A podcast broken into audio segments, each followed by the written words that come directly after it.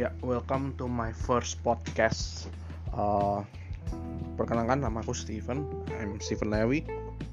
Aku seorang investor. Aku juga seorang trader di dunia pasar saham selama kurang lebih dua tahun ini. Ya, uh, hari ini aku pingin banget bahas tentang satu topik yang um, akhir-akhir ini mulai sedikit hilang tapi aku rasa ke depan akan muncul lagi.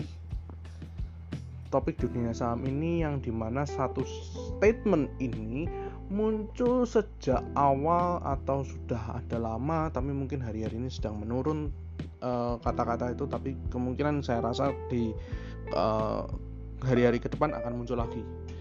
Kata-kata itu tidak lain dan tidak bukan adalah saham itu judi ya Nah, ini yang jadi masalah. Ini yang jadi uh, yang sering menjadi momok bagi banyak orang, terutama untuk orang-orang yang masih awam terhadap saham. Dan kadang tidak tidak uh, tidak tertutup kemungkinan yang mengemukakan pendapat seperti ini adalah orang yang pernah berkecimpung di dunia pasar modal atau nama pasar saham.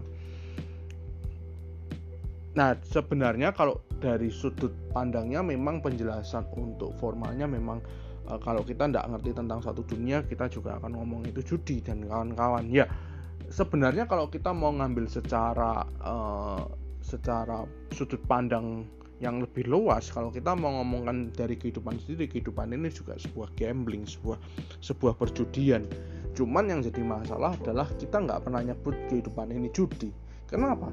Karena kita selalu mikir bahwa ini ada satu purpose, ada kita hidup ada satu purpose. Nah yang jadi masalah kenapa di saham kita sebut itu sebagai judi?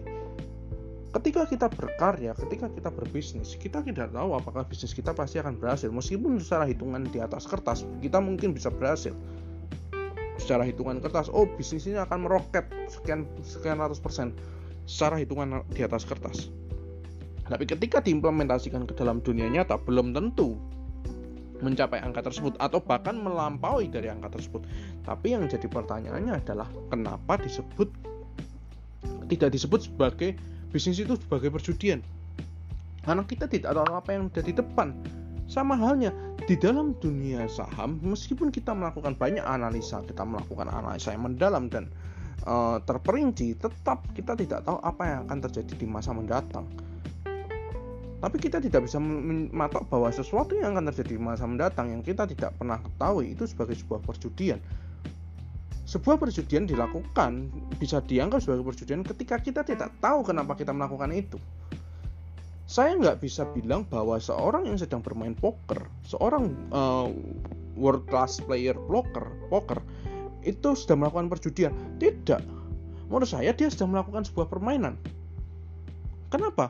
Karena dia tahu apa yang dilakukan, dia bisa melakukan kalkulasi ah, kira-kira apa yang harus dilakukan, apa yang psikologi apa yang harus dia kerjakan, money management apa yang harus dia kerjakan. Itulah yang dilakukan oleh pemain profesional di poker. Apakah itu berjudi? Tidak. Dia punya perhitungan. Selama dilakukan dengan perhitungan itu bukan dengan bukan judi. Judi adalah ketika kamu tidak tahu tentang apa pun tapi kamu tetap nekat melakukan itu dan kamu me, me, menghajar artinya uh, dalam artian melakukan sesuatu tanpa dasaran sesuatu yang ilmiah ataupun dasaran dengan yang yang paling tidak dengan dasar common sense-nya dulu. Nah, inilah yang sering kali jadi permasalahan bagi eh, orang-orang uh, awam di luar sana. Lalu ada yang bilang bahwa saham itu judi karena ban ada bandarnya. Lah, ini ini kasus berbeda. Ini kasus berbeda.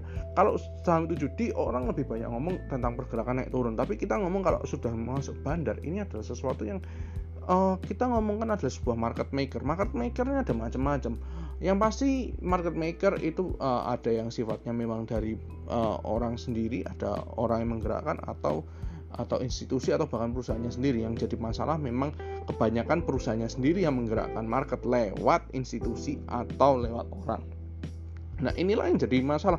Kalau kita mau ngomong bahwa uh, terserah pergerakan uh, harga saham tergantung bandar. Kalau pergerakan harga saham tergantung bandar bandar tidak bisa dapat uang. Bandar tidak bisa dapat keuntungan. Karena ter, kalau tergantung bandar artinya duitnya perputaran uangnya hanya uh, keluar masuknya di kantong sendiri itu tidak menghasilkan profit. Tapi bandar bisa mendapatkan keuntungan lewat adanya retail atau adanya orang-orang yang membeli siapa pun itu.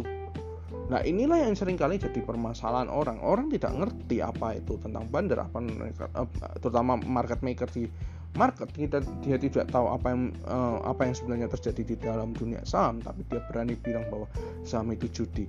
Dan ini buat saya ini menjadi suatu hal yang konyol dan menurut saya uh, perlu untuk adanya uh, edukasi. Bukan hanya edukasi, menurut saya uh, kalau cuma edukasi orang bisa terima bisa enggak tapi yang pasti butuh literasi yang banyak karena inilah yang jadi kekurangan uh, manusia akhir-akhir ini literasi